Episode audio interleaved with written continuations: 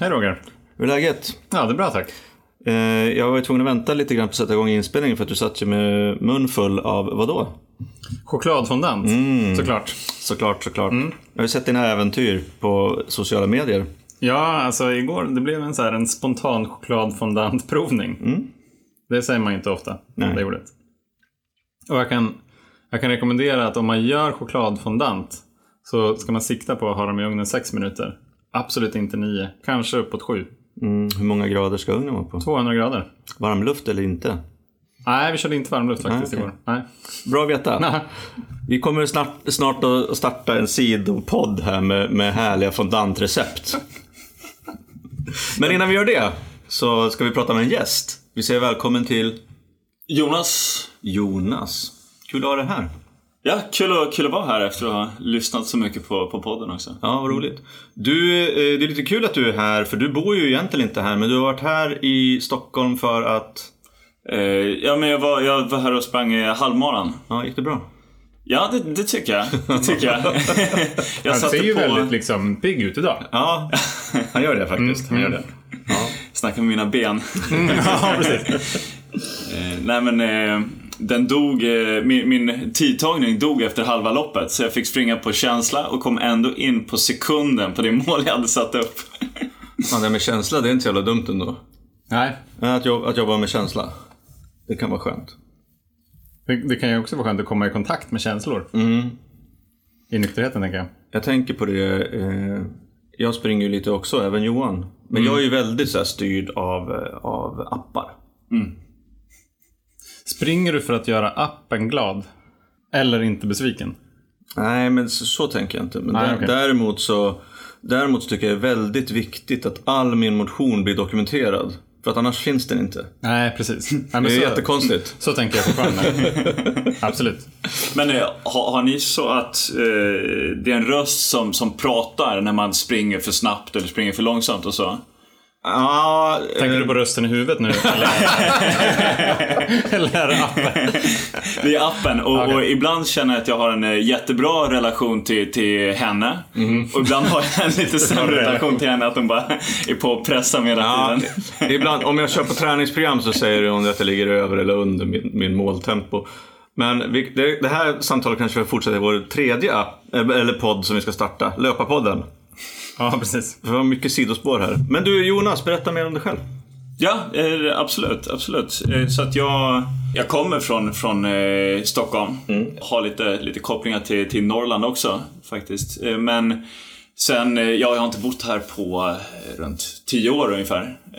Så att jag har bott på lite olika ställen. Och USA, lite grannländer till, till Sverige och just nu så bor jag i, i London sen eh, två år tillbaka ungefär. Du, du gillar verkligen inte Stockholm. Exakt. eh, nej, men jag tycker det är väldigt, eh, väldigt trevligt att komma tillbaka här. Och, och eh, som vi snackade lite om tidigare så när jag var här för några år sedan när jag också var nykter, då var jag mycket på, på möten här uppe också. I, i, på, på Söder framförallt. Ja, du hintar ju lite grann om det. Du är ju nykter nu och du har varit nykter i... Mellan ett halvår och ett år. Ja. Och eh, har varit nykter förut. Ja, En gång. Hur kommer det sig att du, att du behövde bli nykter? det är hur- väl hur- lite grann kärnan. Ja, hur, hur, såg, hur såg livet ut liksom? Hur kom du, hur kom du dit? Ja, eh, men jag, jag tänkte lite på det att ehm, Ibland om man inte passar sig så börjar ens eh, alkoholtankar eh, spinna vidare. Om man sitter i möten till exempel och hör på andra som, som har fått återfall och så. Och just om man inte passar sig så tänker man fan jag är bättre än sådär, jag är starkare än så. Men så kom jag på mig själv med att jag har faktiskt eh, fått återfall i, i flera år om man ska se det på det sättet. Ja. Vilket man ju ska. Eh, men, men eh, varför behövde jag det? Ja. Varför behövde jag bli, bli nykter? Ja. Det, det går väldigt långt tillbaka för, som för, för oss eh, alla mer eller mindre. Men eh, när jag var tonåring eh, så som för väldigt många andra, att, att man eh, inte eh, kände kanske att man passade in helt och hållet i, i gänget och att man inte var helt accepterad av de andra och, och att eh, lite grann eh, utanför och så. Och då eh, när, när man eh, hittade det här att man kunde helt komma bort ifrån det och helt komma bort ifrån sina egna tankar som ganska mycket saboterade för en själv och bara helt släppa det. Mm. Eh, samtidigt som man fick ett så bra sätt att liksom bli, bli kungen i, i rummet. Känna att det är så här jag är egentligen. Eh, nu, nu, får jag, nu får jag utlopp för det. Mm. Eh, och, och att, att alla de grejerna samverkade. Berätta om första gången du kände sådär. När var det? Ja. Ungefär. ja men det var, det var väl när jag var runt 14. Mm. Eh, så var det sommaren, kan det varit sommaren mellan 8 och 9 eller så. Eh, och så hade vi någon fest i, i norrortsförorten som jag kommer ifrån med en stor äng och man liksom jag tror Facebook och så hade kommit men det var fortfarande inte att man kände folk runt omkring i andra skolor och liksom i någon st större mm. sammanhang. Det var liksom inte att folk hade koll på 500 pers. Men eh, då då kom vi igång ganska bra där och jag kände verkligen att jag, jag hade eh, allt låg på plats och jag var verkligen i, i mitt esse liksom och mm. snackade med folk överallt mm. och, och, jag tror red, och, och att eh, folk liksom fick upp ögonen för mig mm. runt om i liksom hela, lite grann eh, överdrev man det väl för sig själv också, men liksom i hela norra Stockholm. Att,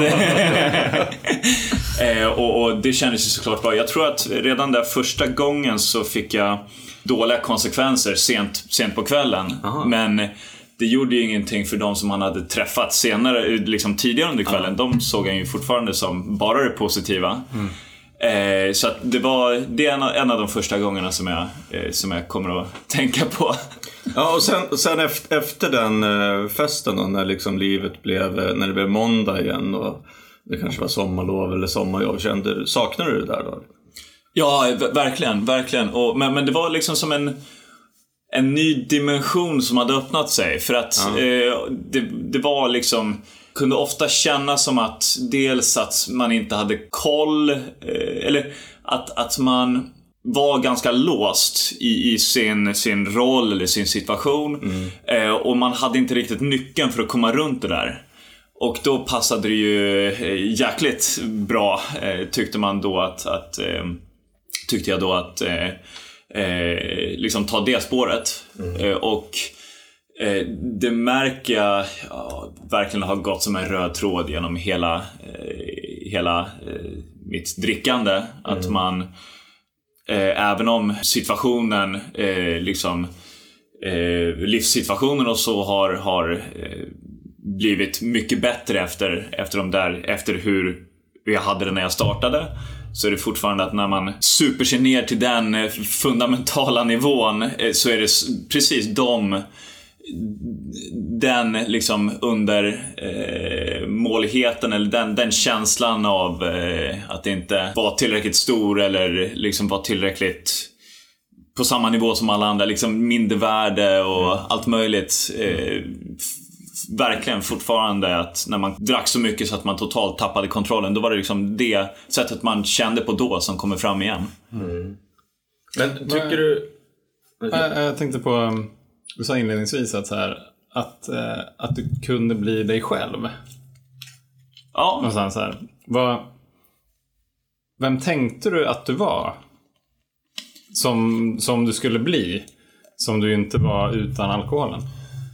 Nej men jag tror eh, lite eh, mer social än många, alltså om man tänker sig många killgäng i högstadiet. Mm. Då, I alla fall de, de som eh, jag var del i eh, utan att riktigt kunna välja. Liksom, mm. Man har en klass och mm. de var egentligen, vad ska man säga, det kunde ofta vara lite inskränkt, lite... Man skulle inte alls sticka ut från det. Långt senare så har jag ju insett att, att det är de som inte är inskränkta och inte är på det sättet som liksom kommer vidare och liksom får ut mycket av, av eh, världen. Mm.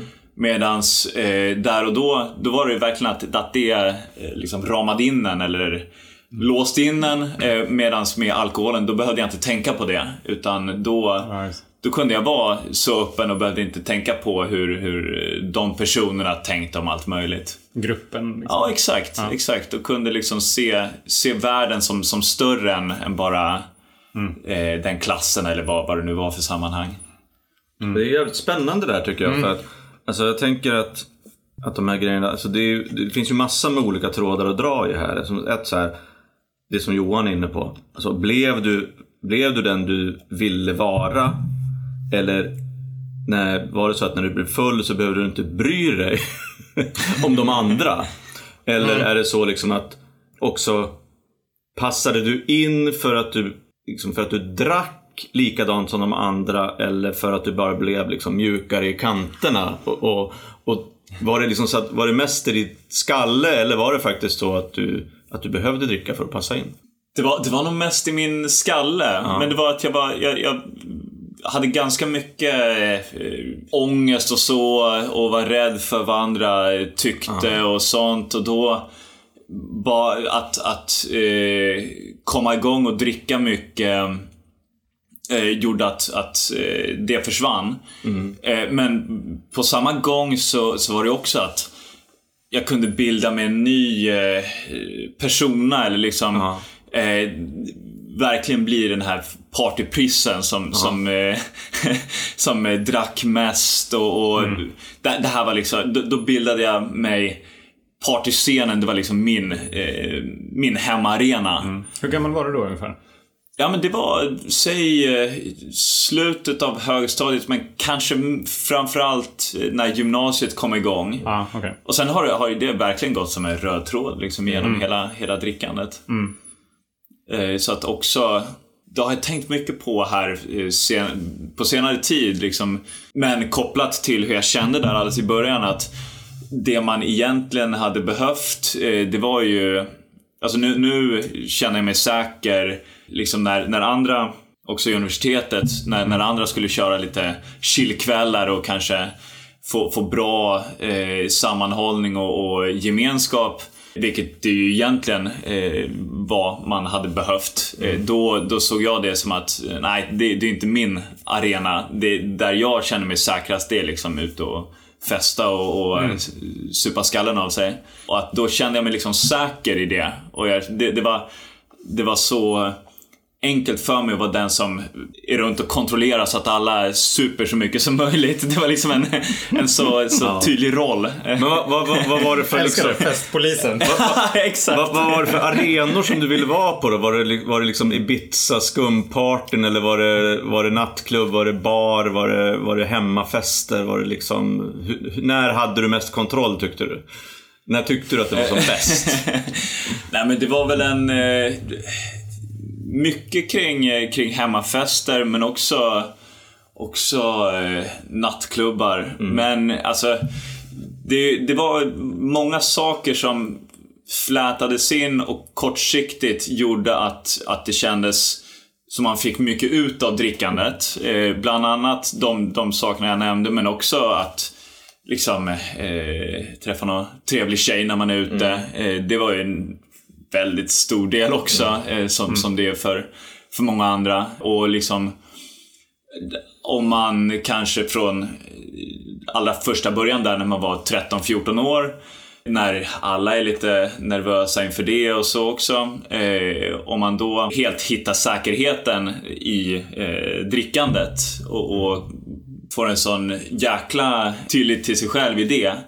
Eh, då blir det någonting som förstärker väldigt mycket också. Mm. Medan om man inte hade hittat drickandet så tidigt hade man eh, ju gjort bort sig några gånger eh, nykter och sen liksom lärt sig mer att hantera det. Men det var ändå så här att ganska länge, eller det låter ju som att du fick ganska bra ROI på, på drickandet. Return on investment. Ja, return on investment. Ja. Nej, men alltså, jag, tänker Ja. på, jag tänker på det, vi har pratat om det lite grann också, just det där att eh, för många som är nyktra alkoholister idag så var ju drickandet kortare eller längre tid så funkar det ju jävligt bra. Alltså just det där att, att man fick ut mycket av det. Man blev en, en skönare kille eller tjej. Man liksom man eh, kunde, som du sa, man, man blev kung, man, man, man fick ut mycket socialt av det, man fick en gemenskap. Och, eh, och man var med om massa roliga grejer. Och det löste sig liksom, det, liksom, alkoholen var ju verkligen smörjmedel. Tills det inte var det längre liksom. Nej, precis. Det var, det var ju som vi pratade om i förra avsnittet faktiskt, om konsekvenser. Ja. Alltså Ja, under, under, under början av liksom min alkoholkarriär och säkert liksom er också, så var ju konsekvenserna var ju framförallt positiva. Ja. För att så här, man blev social, det hände massa härliga grejer och liksom ångesten dagen efter var inte där kanske alls. Nej. Utan det var, det var mest kul. Sen så började den här liksom konsekvensbrädan och så här, gå åt en annan riktning Ja. lite grann. Man så här, laddar på med lite mer negativa konsekvenser. Men jag tänker på det du pratade om också där. Du, du pratade ju en del här nu nyss om att just att man dricker sig, alltså, dricker väldigt mycket. Och tappar kontrollen liksom och kanske får blackouts och sådär. Men eh, var, det, var det så för dig, blev det så för dig tidigt eller, eller blev det så senare?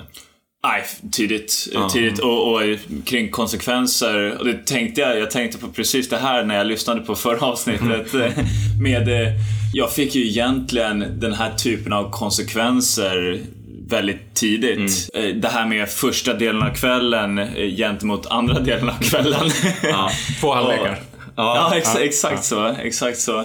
Och så också att eh, ja, men jag fick en väldigt dålig, eh, under de åren eh, så fick jag en väldigt dålig relation med, med eh, mina föräldrar och så. Eh, för att man, det var någon slags bitterhet eh, av att ehm, de här underliggande sakerna som, som eh, jag tog upp tidigare eh, och att det förstärktes av att man kom hem packad hela tiden.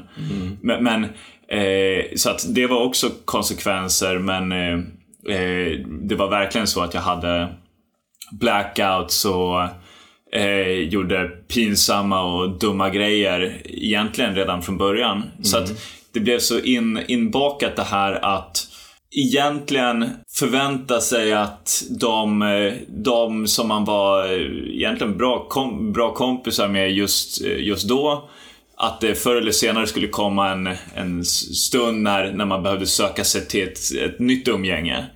Du tänkte så? Eller blev det så? Blev så och så, jag, jag tror att... Jag Varför, tror att varför jag, behövde du göra det? För att relationerna inte funkade eller för att ni ville olika saker? Eller? Nej, nej, utan helt kopplat till, till eh, drickandet. Och att, att man eh, eh, gjorde pinsamma eller dumma grejer och eh, att, att det gjorde att, att man fick in det sättet att se på relationer att man, då, då var det bättre att bara gå vidare istället okej. för att eh, is, istället för att försöka, vad ska man säga, Ibland så kunde det ju vara liksom något som var lite pinsamt men som man egentligen hade bara kunnat snacka igenom. Men under den här perioden då, säg, om vi säger så här, gymnasiet och universitetet. ehm, vi flyttar vidare tills du ändå blivit typ lite vuxen då. Ja. Hur, hur, hur, tänkte du på de här grejerna liksom, när du var nykter?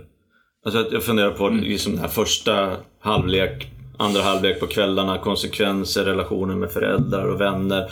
Hur, hur gick liksom funderingarna kring det i din skalle när du var nykter? Visste du att det var att du hade problem med drickande eller tänkte du att det var andra grejer? Nej men det var, det var en eh, kombination av sånt som eh, liksom ekar i varje möte man sitter på. men och för att bena upp eh, några av de eh, grejerna så lite grann att, att det här att så med sån säkerhet vara helt säker på att, eh, att nästa gång jag är ute, då kommer jag kunna behålla kontrollen och, och eh, det, vet, det vet ni säkert liksom att man lovar tjejen att, att det här kommer aldrig Nej. hända igen. Nu kommer eh, det, det... Om man tror så mycket på det själv. Ja, man, man verkligen eh, lurar sig själv så att det är, man, det är en själv man ljuger för och därav ljuger man också för, för henne. Men eh, del, dels det, eh, dels att det här är liksom, de konsekvenserna, det är ett onödigt ont för att det, det funkar inte utan. Eh, dels för, Ja, dels så praktiskt att, att eh, det är det här jag får, eh, det är det här som är belöningen liksom för, för allt, allt jag gör. Men också att man behöver en, en reset. Eh, Belöningen, det, det var liksom att dricka. Ja, exakt. exakt. Och också verkligen att få... Jag tror... Eh, om man har väldigt, väldigt kontroll på sig själv i andra sammanhang. Till exempel eh, ja, men om man är bra och ambitiös i skolan och verkligen har stenkoll på sig själv och med idrott och, och annat. Att det blir som en kontrast eh, och att när man då dricker då känner man sig dels att man har, har rätt till att, att helt släppa kontrollen. Eh, och, och att när man har tänkt så tillräckligt många gånger då blir det att man går in för, det, det är helt det som i alla fall jag ser som en stor del av av alkohol, eh, alkoholistbeteendet. Att man inte får ut någonting av att dricka om det inte är för att komma till det stadiet när man helt tappar kontrollen. Eh, det är verkligen... Det har jag hört förr. Ja, men det, det kan jag verkligen känna igen mig Alltså jag också under så himla lång tid sett det som belöningen. Alltså, Ja, nu har jag tagit så här mycket ansvar, nu har jag förtjänat att inte ta ansvar. Släppa kontrollen helt, det finns inga gränser. Och på något vis är att, att det är liksom det där spännbandet mellan de där liksom två polerna. Det bara spänns mer och mer och mer och mer. Och till slut så liksom så måste man spänna av det. Ehm, ja, det är ganska det är fascinerande att höra. För jag känner igen mig jättemycket i det du delar. ja, Men jag, tänk, jag tänker också på det här för att eh, ja, men du har ju berättat nu att du inte har bott i Stockholm tio år och uppenbarligen så har du ju då bredvid, när du inte drack, då har du lyckats då alltså skapa någon typ av eh, framgång. Alltså jobb och karriär och, och något liv som ändå har tagit dig. Eh, hur, hur såg den liksom, du är inne på det lite grann nu, men hur såg ditt, hur såg ditt andra vanliga liv ut liksom, under den här perioden? Hur lyckades du fokusera på att ändå klara av att göra saker? Nej men, eh, ja det är ju jätteintressant. Eh, för att jag hade ju inte bara, eh, när jag helt ville nollställa, liksom resetta, eh, då kunde jag också... Jag har ju aldrig haft... Eh, jag har druckit socialt, men eh, jag har rökt en hel del gräs och så. Och det har jag gjort på det sätt som andra eh, kan använda alkoholen. Att man drar sig tillbaka och sen stänger, stänger sig själv inne i några, eh, liksom en dag eller, nå, eller så. Det här att köra på väldigt, väldigt intensivt och eh, ta sig framåt. Till exempel när jag pluggade så jag pluggade till ingenjör och då kan det vara ganska liksom, pressat och, och så. Men jag såg det inte riktigt som tillräckligt för mig själv att bara jobba på och sätta bra betyg. Utan jag ville verkligen göra det på ett intensivt sätt. Så att jag brukade, skjut, jag, jag brukade medvetet skjuta på tentaplugget så att jag skulle kunna festa och till viss del liksom engagera mig i studentliv och, och eh, till viss del jobba och sen eh, råtentaplugga till de här ganska tunga mattekurserna på tre fyra dagar eh, precis innan. Så att väldigt mycket blev det här att det pushade till att göra saker så intensivt som möjligt. Eh, så att när jag pluggade eller, när, eh, eller eh, vad, det nu, vad det nu var, eh, tränade hårt. Då, eh, då gjorde jag det väldigt intensivt och sen blev det att jag kunde resetta eller belöna mig med, med de här riktiga eh, dyngfyllorna. Alltså det här är så intressant. För jag, det, det, jag kan verkligen känna igen mig i det. Liksom så här, att maxa, vilja maxa allting. Om du skulle försöka förklara för någon som inte är lika sjuk som vi är i det här lilla rummet. Vad, vad är egentligen värdet av att göra någonting så intensivt? Liksom, varför? Nej, men det, det, jag tror att det, det ligger ganska djupt eh, i, i mig i alla fall. Och, och du vet, jag, jag eh, här, innan jag slutade dricka då, då eh, var jag och, och snackade med en om, om eh, skulle få, få hjälp. Innan jag började med 12-stegs eh, programmet eh, så försökte jag få hjälp på, på annat håll. Och då snackade vi mycket om att komma ifrån det här med extremerna och det här jätteintensiva på olika sätt. Eh, och, och fick en del insikt i en del insikt i, i vad, vad det berodde på, för mig i alla fall. Och mycket att man inte så, ser det som tillräckligt och bara mm. jobba normalt tempo, liksom lite mediokert. Mm. Eh, Eller bara gå en av Sveriges säkert eh, liksom, svåraste utbildningar. Ja, precis. Alltså det, precis. det är inte nog. Mm. Nej. Det är väl lite så här att man eh, eh, tvivlar på sig själv och så. Jag, jag tänker bara liksom att här, nivån för medioker inom, inom citattecken är ju väldigt relativ. Mm, mm. Mm. Uh, det här att, att köra på intensivt på ena kanten och sen mm. köra på lika intensivt på andra kanten. Att det på något sätt har kunnat ge en extrem att det har gett momentum snarare än att man vilar upp sig emellan så liksom när, när tentaplugget eller hårda jobbperioden är över, då, då kör man en, en eh, fyra dagar och är ute och krökar hela tiden för att ladda upp sig inom citationstecken. Mm. Att, att det blir liksom sättet man, man eh, hanterar både press och, och firande och, och alla möjliga saker på. Men är det, om vi, om vi liksom går framåt, nu är ju inte du supergammal, men alltså jag tänker på sen när du börjar jobba också. Var, var, har det varit likadant att du har kunnat, kunnat liksom jobba väldigt intensivt och sen mm. festa väldigt intensivt? Så du liksom jobbar i cykler liksom lite grann så här. Lite perioder, fast kanske korta perioder. Ja, ja, ja. absolut, absolut. Och det är ju, i min eh, bransch så, så är det ganska mycket liksom fester, mycket socialt och så att man är en partyprisse eh, mm. när det inte kommer de här allra största eh, konsekvenserna. Mm. Eh, det är ju något som ofta uppskattas också. Mm. Väldigt såhär work hard, play hard. Ja, ex exakt så. Ja. Exakt så. Är det, nu sitter vi på Johans kontor här och det är managementkonsult. Mm. Är det liksom ungefär i samma typ av bransch? Eller? Ja, ungefär samma. Ja. Mm. Mm. Ja, det kan ju verkligen vara work hard, play hard inställningar på många av de bolagen. Ja, men på ett, jag skulle säga alltså, på ett ganska sunt sätt.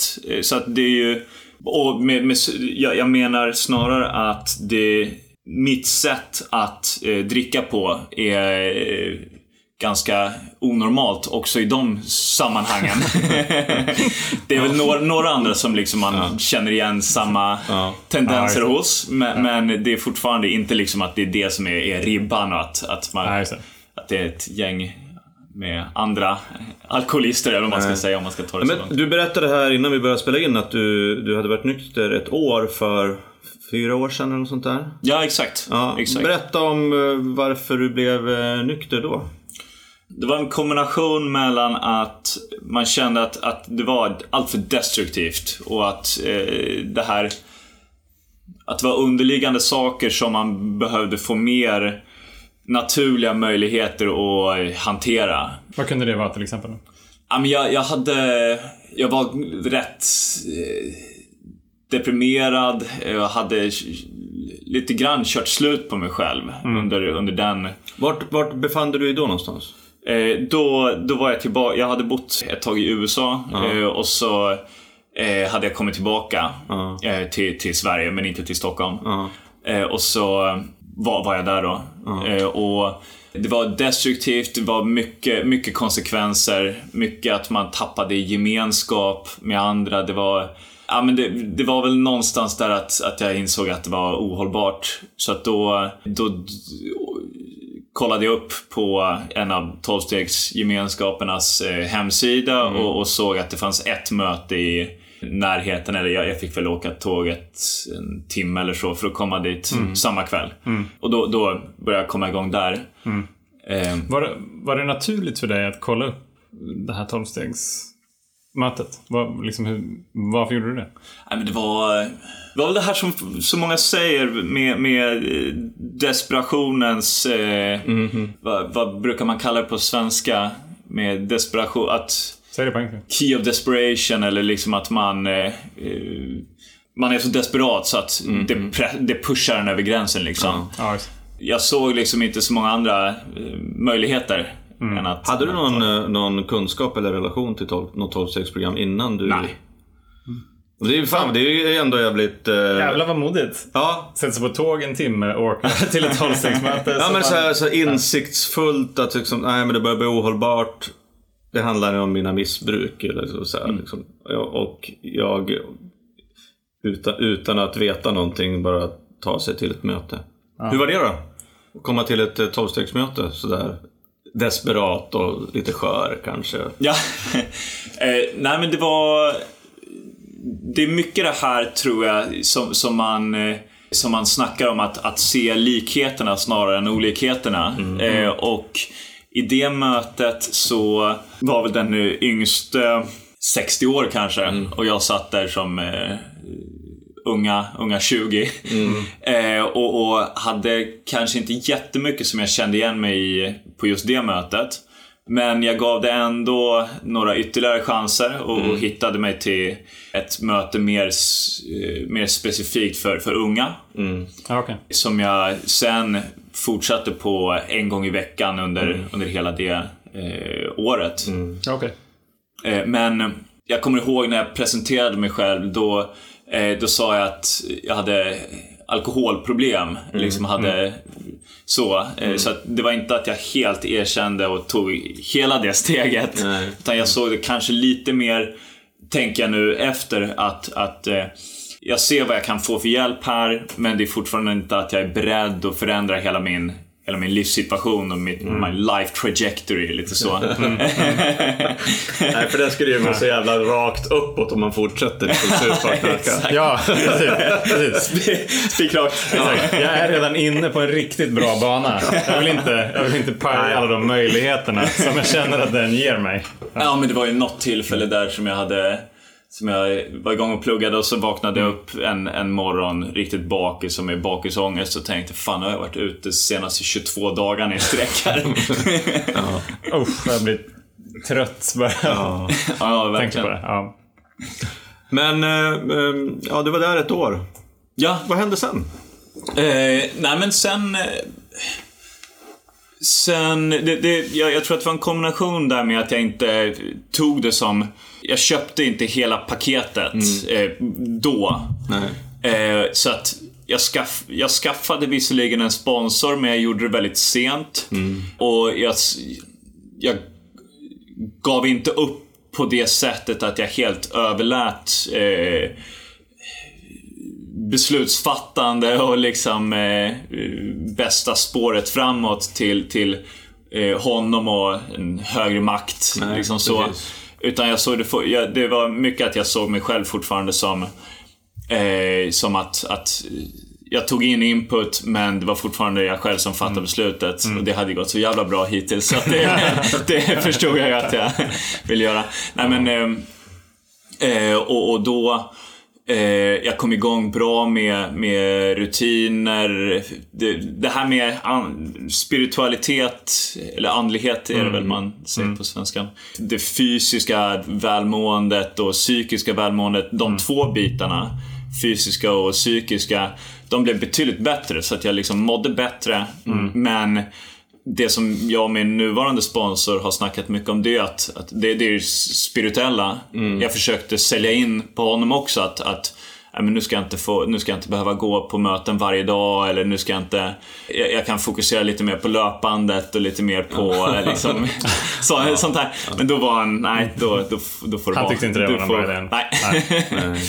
Men, men då, då kom jag in, eh, då kunde jag till slut eh, övertyga mig själv om att det är inte drickandet som är problemet. Där hör man ju med många andra som också får, jag ska säga, åt, återfall. Att då, eh, jag, fick, jag, jag kom tillräckligt, jag kom för långt bort från eh, gemenskapen till att man då kan börja övertyga sig om att det är inte drickandet som är problemet. Och då alldeles i vad, var det du såg som var problemet då? Om det inte var drickandet? Nej men det var, det var ju att jag eh, hade varit liksom deprimerad och, och eh, djupt eh, nere liksom. Och eh, nu därefter ett, eh, omkring ett år, då började det kännas, kännas bättre. Och i och med att jag inte drack så fick jag inga negativa konsekvenser av det. I och med att jag inte eh, hade ändrat egentligen några rutiner kring, eh, kring var jag, alltså jag, jag var ju fortfarande ute med, med polarna på, på nattklubbar och jag hade precis samma rutiner där, bara att jag inte drack. Så Dry drunk. Hur var det då? Det var ju... Det kändes verkligen som att, att man tog bort någonting men inte fick något annat tillbaka. Det, om det, det, Var, var du ute lika länge också? Ja, men jag försökte tvinga mig själv att vara det för att eh, ja, men, eh, nu ska jag vänja mig vid det här. Liksom. Och att man, man var så begränsad i sitt eh, sätt att se på saker och ting att, att eh, det var inte att man tänkte att nu kan jag försöka eh, få mina na- närmare kompisar att hitta på annat kul. Utan det var att nu ska jag vänja mig vid att göra precis samma saker men, men nykter. Men det där, det där är så jävla roligt, just, just, just i, för er som lyssnar, det finns ett kapitel i Stora boken som heter Hur det fungerar. Och jag har eh, hookat upp mig på en textbit där som, som jag har tänkt på de senaste veckorna. Och det, den är ungefär så här att många av oss försökte hålla fast vid våra gamla föreställningar. Och resultatet var noll. Och det där är ju liksom precis det där, alltså våra gamla föreställningar, uh, old ideas. Alltså just att man försöker vara som tidigare. Det är ungefär, alltså om man ska göra en väldigt trivial så här, jämförelse, det är ungefär som att, som att vi försöker, eller industrin försöker se till att vegetarisk mat ska se ut och smaka som kött. Varför? Alltså varför är kött, det vill säga våra gamla föreställningar, så jävla häftigt? Varför måste, varför måste en vegetarisk burgare se ut som en köttburgare och smaka som en köttburgare och, och liksom droppa saft som en köttburgare? Alltså lite grann så är det om man blir, om man blir nykter, om man varit alkoholist. Man, om man är alkoholist, man vill liksom vara nykter fast man vill vara som förut. Och då, då blir det svårt. Ja, det där var ju vidrigt tyckte jag. Det var Ja. jättejobbigt att vara nykter när jag försökte gå på puben eh, som vanligt, eh, så här, var på fester. Jag var så här, men jag gillar inte det här. Nej. Sen efter ett tag så insåg jag att jag gillar inte det här. då, och jag behöver inte göra det. Eh, Utan jag kan göra någonting annat. Jag kan, jag kan till exempel föreslå för mina kompisar att nej men jag vill inte gå på puben. Kan vi inte ta en promenad eller vi kan gå och spela biljard eller vi kan göra tio andra grejer. Men, men då precis i början av nykterheten då fanns det bara en grej på listan av saker att göra och det var att gå till puben.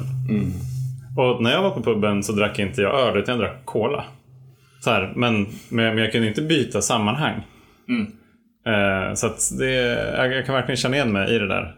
Eh, och jag, jag kände ju inte då att jag hade något fritt val. Utan jag, jag hade bara en sak att välja. Och det var att gå till puben.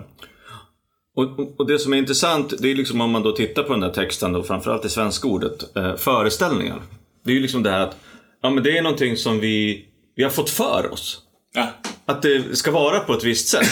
och och det, är, det är ju ingen sanning. Att, att de här föreställ, gamla föreställningarna som vi hade, att, att det på något vis var något sant liv eller att man hade värderingar som på något vis var liksom rätt eller sanna. Utan det var bara att ja, när, när jag var aktiv och innan när jag växte upp så skapades det, jag skapade, jag tog till mig en massa föreställningar om hur livet borde vara. Men de kan jag ju, de kan jag ju liksom bara, bara så ignorera. När jag är nykter, egentligen. Det är ju svårt, precis som du berättar om. Man måste ju lära om. Och så bli omprogrammerad och få nya föreställningar.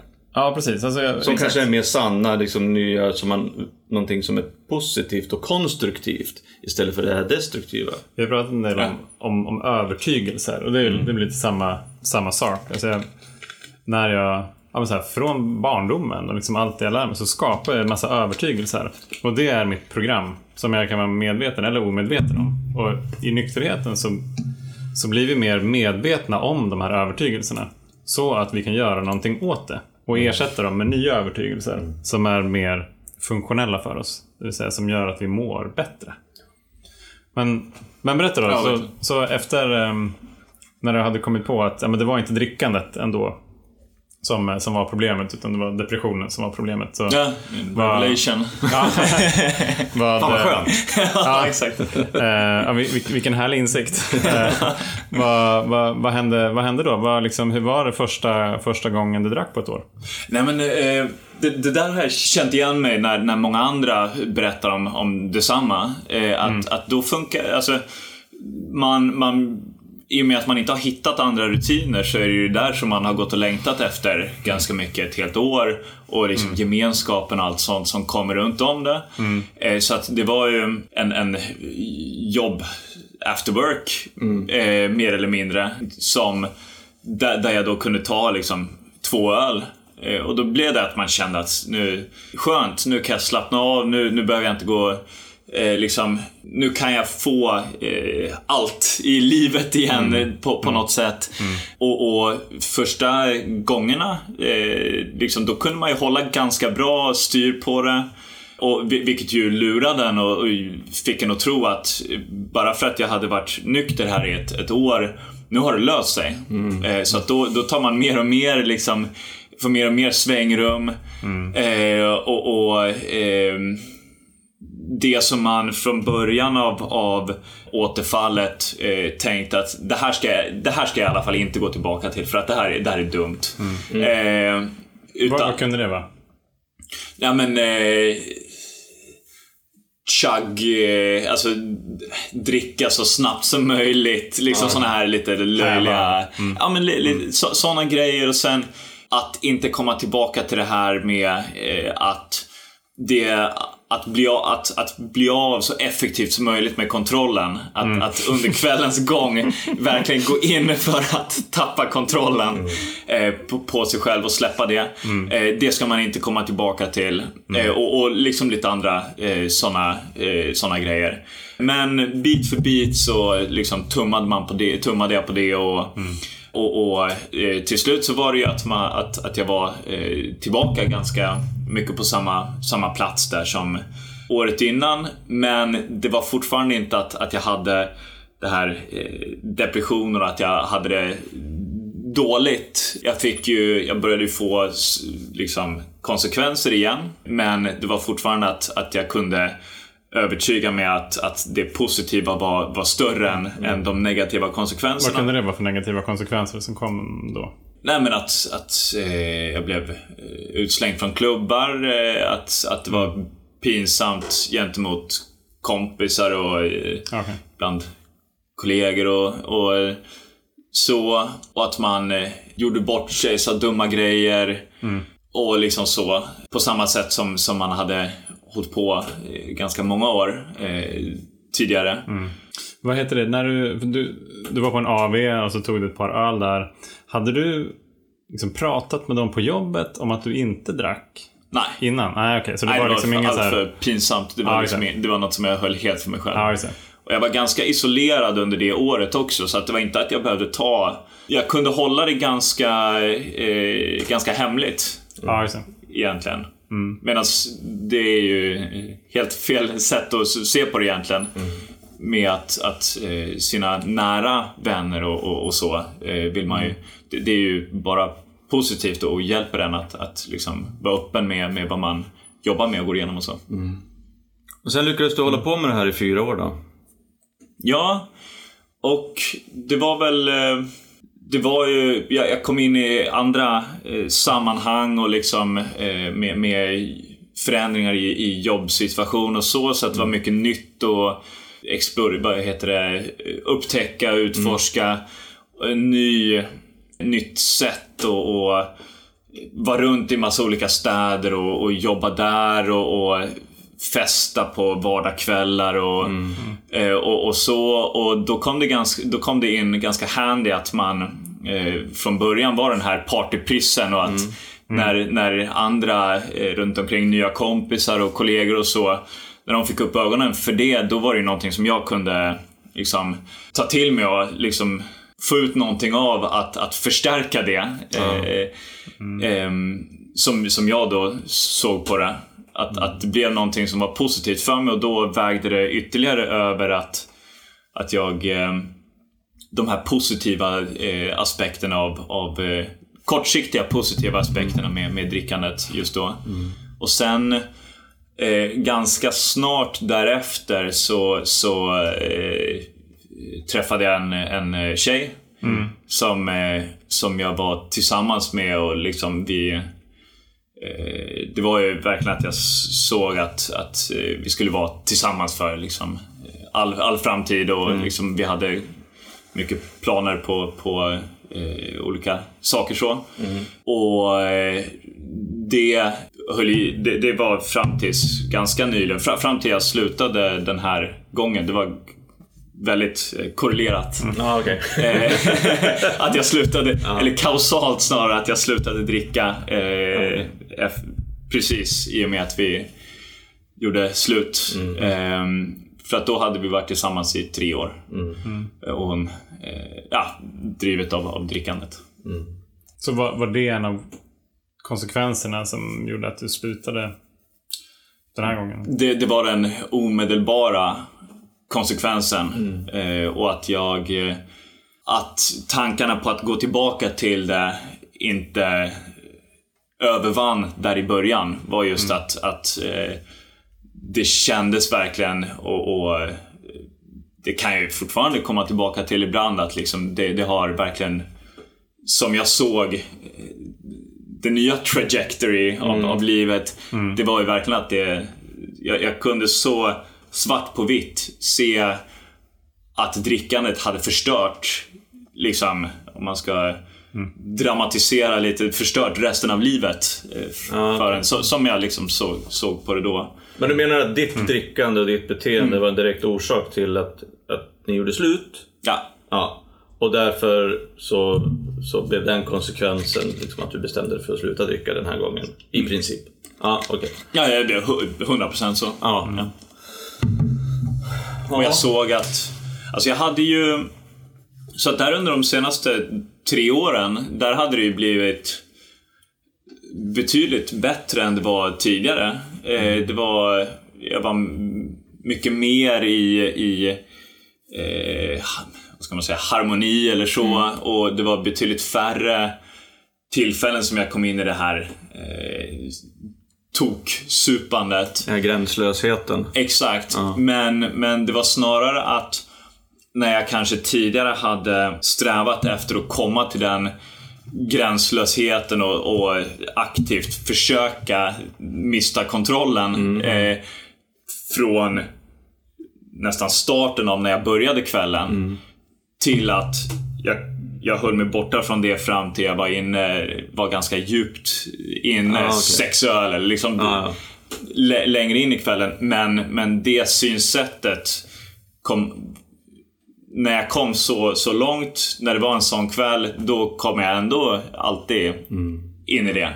Bara att eh, i och med att jag under de åren eh, såg så mycket andra liksom, positiva saker så var det inte lika, det var inte lika ofta och det var inte lika eh, ja, men frekvent som, som eh, jag kom till den punkten att jag drack så mycket för att igen gå vidare och tappa kontrollen. Men kunde du under den här perioden, säg att du var ute på en AV eller en middag. Eh, kunde du liksom dricka två eller fyra öl eller dela på en flaska vin till middagen och ta liksom en konjak till kaffet och sen var det bra? Eh, ja, men det var det, då, det lämnade en alltid i en Ja. känsla av att inte få ut max. och den, eh, varenda Ja. person i, i, i gemenskapen som jag snackar med eh, kan på ett eller annat sätt relatera till det. Men tyckte du då att, att när de gångerna som du ändå eh, offrade dig själv och liksom höll dig och var normal och kunde dricka liksom lite eller kontrollerat. Tyckte du att det gav dig liksom en bevis på att du ändå Ja, men jag, jag kan hantera det här. Ja, det, det, det fanns absolut, eh, absolut den aspekten av det. Liksom att, ja men fan vad ansvarsfull jag har varit nu. Nu, nu är det ändå att, att eh, då kan jag eller då, då, då, jag, jag byggde upp säkerheten eh, hos mig själv och tänkte att nu, nu har jag ändå kontroll på det här. Och vid några tillfällen så kände jag ändå att nu har jag kul här även fast jag inte eh, dricker okontrollerat. Eh, Men det var också lite grann att, att lura sig själv. Ja. För att jag, jag ville så gärna att det skulle vara så. För att jag ville att det skulle liksom fungera. Men det gjorde det inte. Det var, hel, det var liksom, när man kommer över den, när jag kommer över den gränsen då, då blir det att, att jag dricker för att tappa kontrollen. Och jag som kommer- så många andra. Jag kommer ihåg när jag höll på också sådär att om jag Säg att jag vaknar upp en söndag hemma med, alltså och min exfru bara skällde ut mig. Fan vad full du var igår och varför måste du hålla på sådär? Då kunde jag säga så här.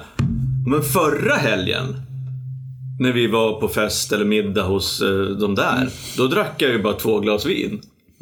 Ja, just. Ungefär som att Nu får du faktiskt ta ett genomsnitt här av... Ja men ungefär som att, som att det, att, alltså det kunde jag komma ihåg. Och, och det behöver inte vara förra helgen, det kunde ju vara så här, två månader sedan. Fast jag sa att det var förra helgen. Så att du skulle kompensera då? Ja men de här grejerna, de här tillfällena då jag verkligen tyckte att jag hade varit duktig. Och att jag borde få någon jävla klapp på axeln eller guldstjärna. De liksom levde kvar men de här, alla de här grej, gångerna som jag hade varit som vanligt då. Det vill säga druckit alldeles för mycket. De bara försvann. Det är jättekonstigt det där. Men jag tror att med, med det så, för, för oss så känns ju det som en, en jättebragd. Ja, Eh, och exakt. Medans eh, om man eh, vad, vad jag tror att det känns för, för eh, henne som Mm. eh, med det där, då är det ju bara liksom att det var en kväll som inte var den, den var kul och trevlig och så, men att den inte var att det inte var att man eh, var ute till och helt rullade hatt på stan. Men att det var liksom ingen uppoffring och Nej, nej, inte, precis. inte kröka så mycket. ingenting man borde få medalj för. Nej, men alltså, jag, jag, tyckte, jag kommer ihåg, jag tyck, på slutet, jag tyck, kommer ihåg, jag tyckte det att jag var jätteduktig om jag inte gick på efterfest. No? Alltså om jag kom hem vid liksom tre. Ja. Och så här, alltså jag är ju boyfriend of the year. Som, som inte kommer hem klockan åtta på morgonen. Ja. Eh, Fantastiskt. ja, det är intressant ju liksom, hur man sätter referensramarna. Men okej, men sen eh, så, för, så det här är typ för ett, ett halvår sedan? ja, omkring. R- omkring runt här? Ja, okej. Vad, det vad var- gjorde du då? då? Nej men precis. Då, alltså, jag tror att när det hade fått eh, de här konsekvenserna de kom mer sällan un, under, de här, eh, under de här åren.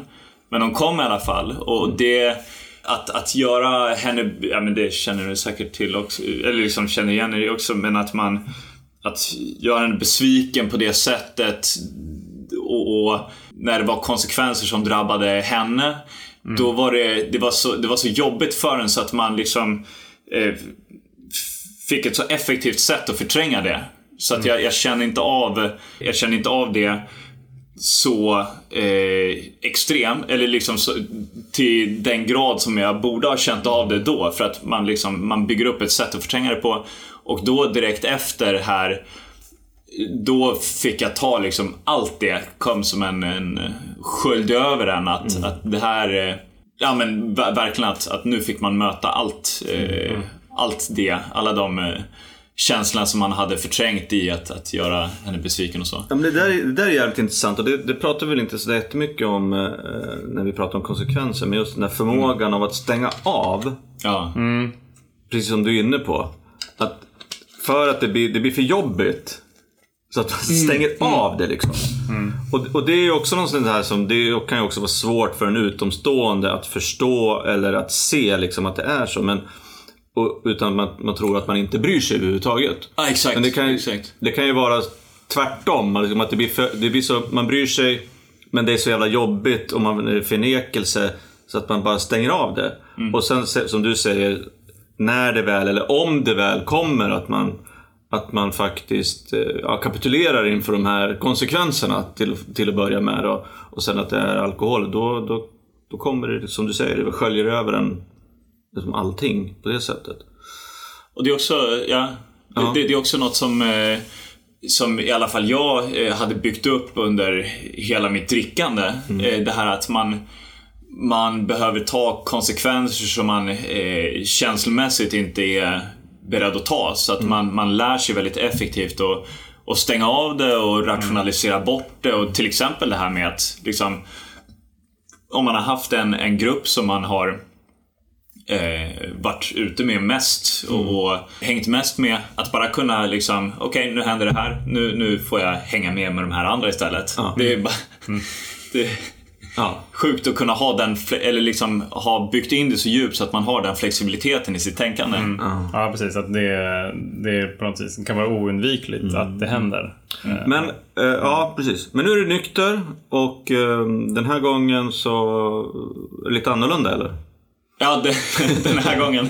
Ja, men det, det är det. Man, man får ju påminna sig om att det är faktiskt att, att det, är ett, det var ju ett återfall eh, som jag hade. Det här med att man eh, ska vara humble eh, och, och eh, att man eh, faktiskt inte är så stark inför det som man, som man gärna vill tro.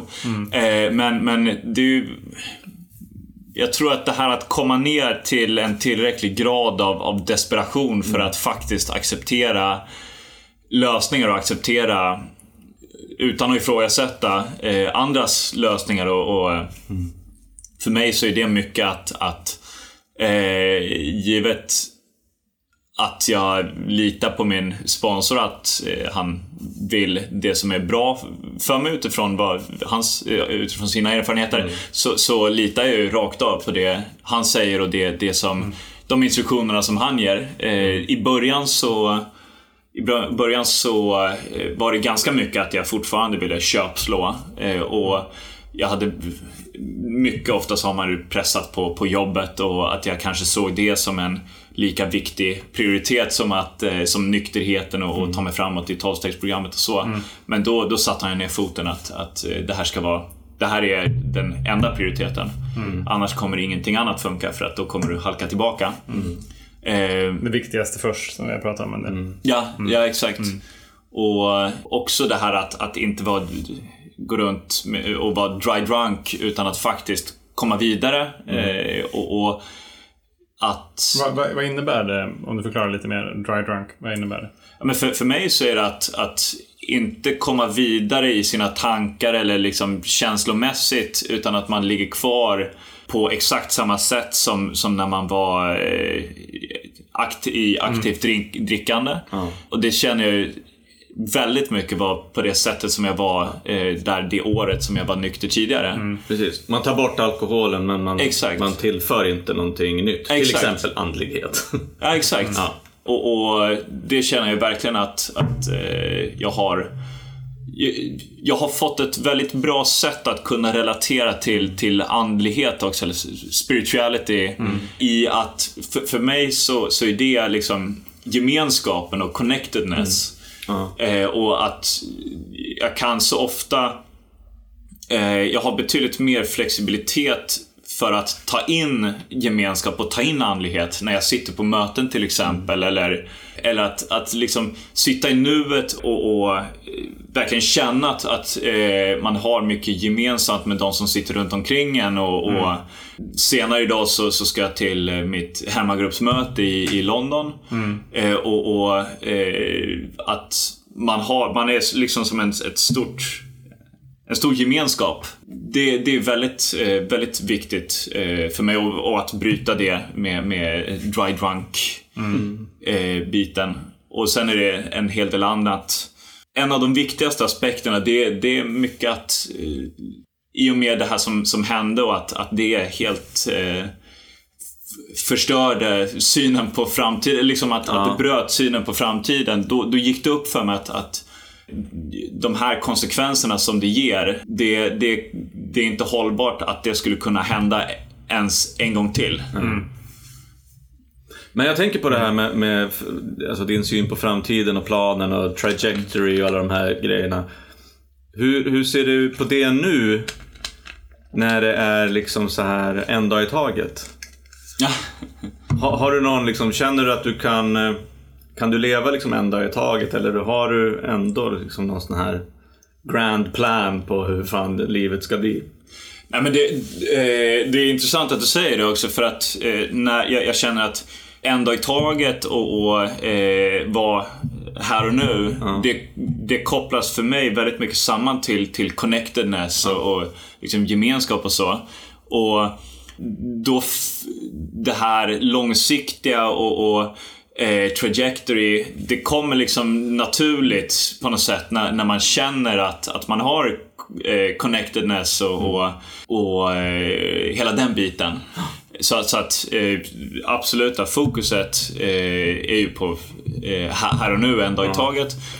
Men eh, eh, när, när, vad ska man säga, stressnivån eller när det blir allt för mycket runt omkring, då kan man ju komma på, då kan jag komma på mig själv med att Sitta och det allt dagdrömma. mycket. Ja, exakt. Det, där, det är en ganska intressant mekanism där, för jag kan känna igen mig i det där. Så här, ju, ju mer stressad jag är här och nu, desto mer försöker jag kontrollera framtiden. Och det är, så här, det är ganska idiotiskt. Verkligen. För det är, så här, det är just här och nu som jag är stressad över en massa grejer. Så att jag skulle göra mig själv en tjänst om jag var ännu mer liksom, en dag i taget. Och, och det är när jag kommer på det, då, det är då liksom stressnivån minskar. Men på tal om en dag i taget, du berättade här att du fick ju rekommendation av din sponsor att köra så här 90 möten på 90 dagar. Och att du fortfarande, snittar du fortfarande ett möte om dagen eller? Ja. Fan vad nice. Och, och så berättade du också att du har rest ganska mycket i nykterheten. Berätta lite om det. Hur, hur många olika ställen har du varit på möten på under de här senaste tiden? Ja. eh, ja men eh, Stockholm Ja. eh, här. Eh, och andra eh, nordiska städer. Ja. London och andra städer i Storbritannien. Ja. Eh, och, och eh, de öarna. Får se. eh, Ja, så det blir väl fem, eh, fem länder. Ja. Hur är det att vara på möten i, i de här olika länderna och de olika städerna? Ja, men det, det är en intressant eh, reflektion. Det, det, det är ganska, det är ganska eh, annorlunda. Ganska olika. Och i, i London så är det mycket, det är mycket amerikaner också. Okej. eh, som, som eh, kommer dit. Men jag tror, om man ser till gemenskapen jämfört med utanför gemenskapen, så är det mindre variation i de olika städerna inom gemenskapen jämfört med variationen inom gemenskapen mot utanför gemenskapen. Om, om man säger. Alltså det, det är så mycket man, man eh, hittar igen överallt. Och, och det är också därför som det har funkat så pass bra ändå att, att resa runt mycket mellan olika städer och ändå hela tiden kunna hitta tillbaka. Jag, jag var också på semester och var i, i, eh, på, på en massa möten i Spanien. Mycket britter där. Ja. Eh, det var, Ja. det, men, nej, men så, så en del skillnader men, men framförallt, framförallt likheter. Vad heter det? Vad, hur, vi, vi, vi har pratat en del om rutiner i podden. Här, Dagliga rutiner och att det är ett dagligt andligt handlingsprogram. Vad har du för dagliga rutiner idag som gör att du inte faller tillbaka till den här dry drunk eller vara torrfull? Eh, om man tar det i, i prioriteringsordning så är det absolut viktigaste skulle jag säga att eller delad första plats är att gå på möte och att eh, eh, snacka med, med sponsorn eh, varje kväll. Det är ju ett, eh, en helt otrolig eh, uppoffring man, man får egentligen och, och kommer ge tillbaka här när, när jag har gått igenom stegen till, till framtida sponsorer, sponsis. Och därefter eh, Vad, vad, Gratitude. vad, vad är det som gör att det är så viktigt? Att eh, prata med din sponsor varje dag? Nej, men det, det är ett sätt att, att reflektera, det, det, framförallt att komma tillbaka till det här en dag i taget och komma tillbaka till connectedness. Ofta här så, jag ser till att jag inte har det för pressat för att inte kunna eh, ha programmet i första prioritet. Men det är ofta att, att det är ganska krävande på jobbet och liksom mycket och så. Och då är det väldigt, väldigt bra att, att ha någon som hela tiden rättar till ens, eh, ens prioriteringar. Liksom ser till så att man kommer tillbaka till att eh, det är inte det är inte det som är högsta prioritet utan det här är det som är högsta prioritet. Och att mycket att kunna reflektera över, över dagen och se till så att man har några, några buffrar för att, att man inte börjar dricka. Liksom. Just det. och det här att kunna, att känna att man har andra som man kan det snackade vi mycket om i början att, att ofta så kunde man ju använda drickandet eller, eh, att, eh, eller annat att, eh, för att hantera eh, baksidor, för att hantera negativa Mm. konsekvenser eller besked eller så. Och när man då inte har det längre, då Mm. behöver man ju man behöver kunna öppna upp sig och, och våga visa sig svag. För, och, och då är ju sponsorn egentligen första som jag ringer till och har fått mycket stöd från, från familjen Ja. och så också. Men liksom att man får några buffrar från att, att dricka istället. Jag kommer ihåg när min första tid i programmet så var det någon av såna här oldtimers som sa så här att, ja men, eh, för jag hade också så här, tyckte det var lite, måste man gå på så mycket möten och jobba så mycket? Så här, men då sa jag så här, men ju mer tid du lägger i programmet desto mer tid får du utanför. Liksom. Jag bara, va? Det låter jättekonstigt. Ja, men det är just det där för att ju mer tid man ägnar åt de här grejerna desto mindre energi behöver man ju lägga på, på att hålla på och joxa och, och vara orolig och stressad liksom, när man inte gör det. Så det, är- det är en paradox som, som, eh, som funkar väldigt bra faktiskt. Ja, fan vad härligt. Ehm, jag tänkte att uh, ska försöka runda av här. Du ska ju snart åka hem får vi väl säga. Till, Ja, till nu- London igen ja. Johan, eh, vad tar du med dig? Ja, men jag tar med mig att det var extremt eh, likt min egen eh, story. Jag kunde känna igen mig väldigt mycket i det där. Just i, maxandet och att, liksom att för oss så är det så naturligt att så här, ja men det är klart att man ska maxa allting. Men för många andra så är det ju inte det. Och jag tror att det, det är liksom en del av en av de stora delarna som karaktäriserar den här sjukdomen för mig. Det är liksom det, är det tankesättet och förhållningssättet. Och det är nog det som jag behöver jobba väldigt mycket med för att liksom fortsätta vara och bli nykter. Att, att inte ha som min grundinställning att jag ska maxa allting. Utan att det... Jag har faktiskt börjat komma till ett läge där så här, ja men livet är ganska bra. Jag behöver inte... Jag jag kan faktiskt bara vara. Och det har jag inte riktigt eh, haft eh, sinnesro till, antar jag, förut. Så det var en bra påminnelse om att det kanske inte är maxandet som är livets mening. Får man ofta eh, påminna sig om. Det är lätt, lätt att komma tillbaka till. Ja. Vad tänker du Roger? Nej, men jag tänker på att ehm, igen liksom jävligt spännande att träffa, träffa människor eh, som, som lyckas kombinera ett jävligt destruktivt drickande med liksom total kontrollförlust och eh, liksom gränslöshet med att lyckas styra upp något typ av alltså, yrkesliv eller liksom framgång på, låt oss kalla det för det civila planet. då. Ja. Alltså, och det, det är den ena grejen och den andra grejen är att um, jag tycker det är väldigt spännande det du pratar om det där att, att konsekvenserna kan bli så stora att man stänger av dem. Tills man inte kan göra det längre. Liksom. Och det är ju någonting som, som jag kan känna igen mig i väldigt mycket. Att, att, att, att jag utvecklade försvarsmekanismer. Ja. Antingen att nej, men det är inte så allvarligt eller att ba- bara, bara försökte liksom man hade sån jävla protective shield. De bara, woof. Så Ja. det, det är jävligt spännande tycker jag. Det är ju så förnekelse funkar, tänker jag. Ja, Ja. och sen så tycker jag också det är jävligt roligt att och liksom, ja men att du kommer tillbaka till programmet, eh, skaffar en sponsor i princip direkt och sen bara kör, bara mosar liksom enligt, eh, våga lämna över. Mm, mm. Liksom till, till en sponsor och en högre makt och gemenskapen och det här connectedness och det här liksom. Bara våga, våga tro, sl- våga släppa taget liksom. Det är jävligt häftigt. Vad Vad är, ja. vad är, jag tänkte så här, de- dels vad, vad dina reflektioner är och om du skulle få skicka med några tips till, liksom, till, till någon som är kanske där i Fundera på, fan, jag kanske dricker för mycket. De här konsekvenserna kanske inte var så jäkla bra ändå. Som är liksom i, kanske, kanske i slutskedet av någon form av aktiv period. Vad skulle du vilja skicka med till, till dem? Ja, ehm, nej men att, att det är så mycket som, som man kanske försöker eh, hitta genom drickandet som, som eh, är betydligt bättre att, att eh, bygga upp mer konstruktivt. viktigaste eh, med, med gemenskapen och, och liksom connectedness. Eh, så, så, att istället för att, att eh, vara ute och, och festa och dricka så mycket som möjligt, att, att se till att, att få den, den gemenskapen och få ja, men, connectedness, eh, tycker jag är ett väldigt bra ord för det, mm.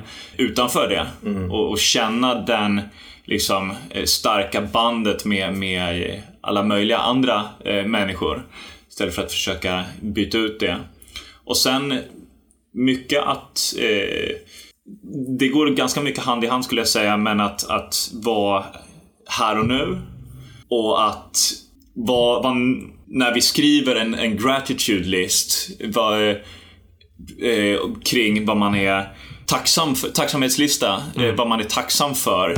Eh, så kopplar det väldigt mycket ihop med, med connectedness och, och att att eh, ta ett steg tillbaka och, och, fundera över vad man just nu faktiskt är, är jäkligt eh, glad över och jäkligt nöjd över och tacksam för. Mm. Eh, det skulle jag säga är en konkret sån bra grej att, att börja göra. Att skriva en tacksamhetslista eh, varje, varje kväll. Mm. Och sen att eh, ja, men fundera över att alternativ till att, att eh, dricka så mycket.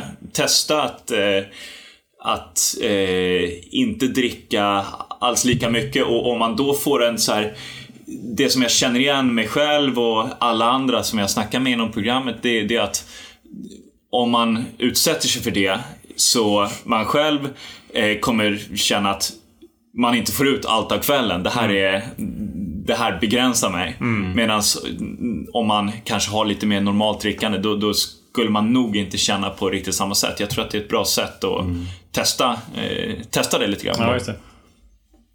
Mm. Ja. Bra tips. Tack. Härligt. Kul att ha dig här Jonas. Ja, det var mm. jättekul, och, jättekul mm. att snacka. Mm. Också, I och med att jag har lyssnat så mycket på podden. Ja, vad roligt.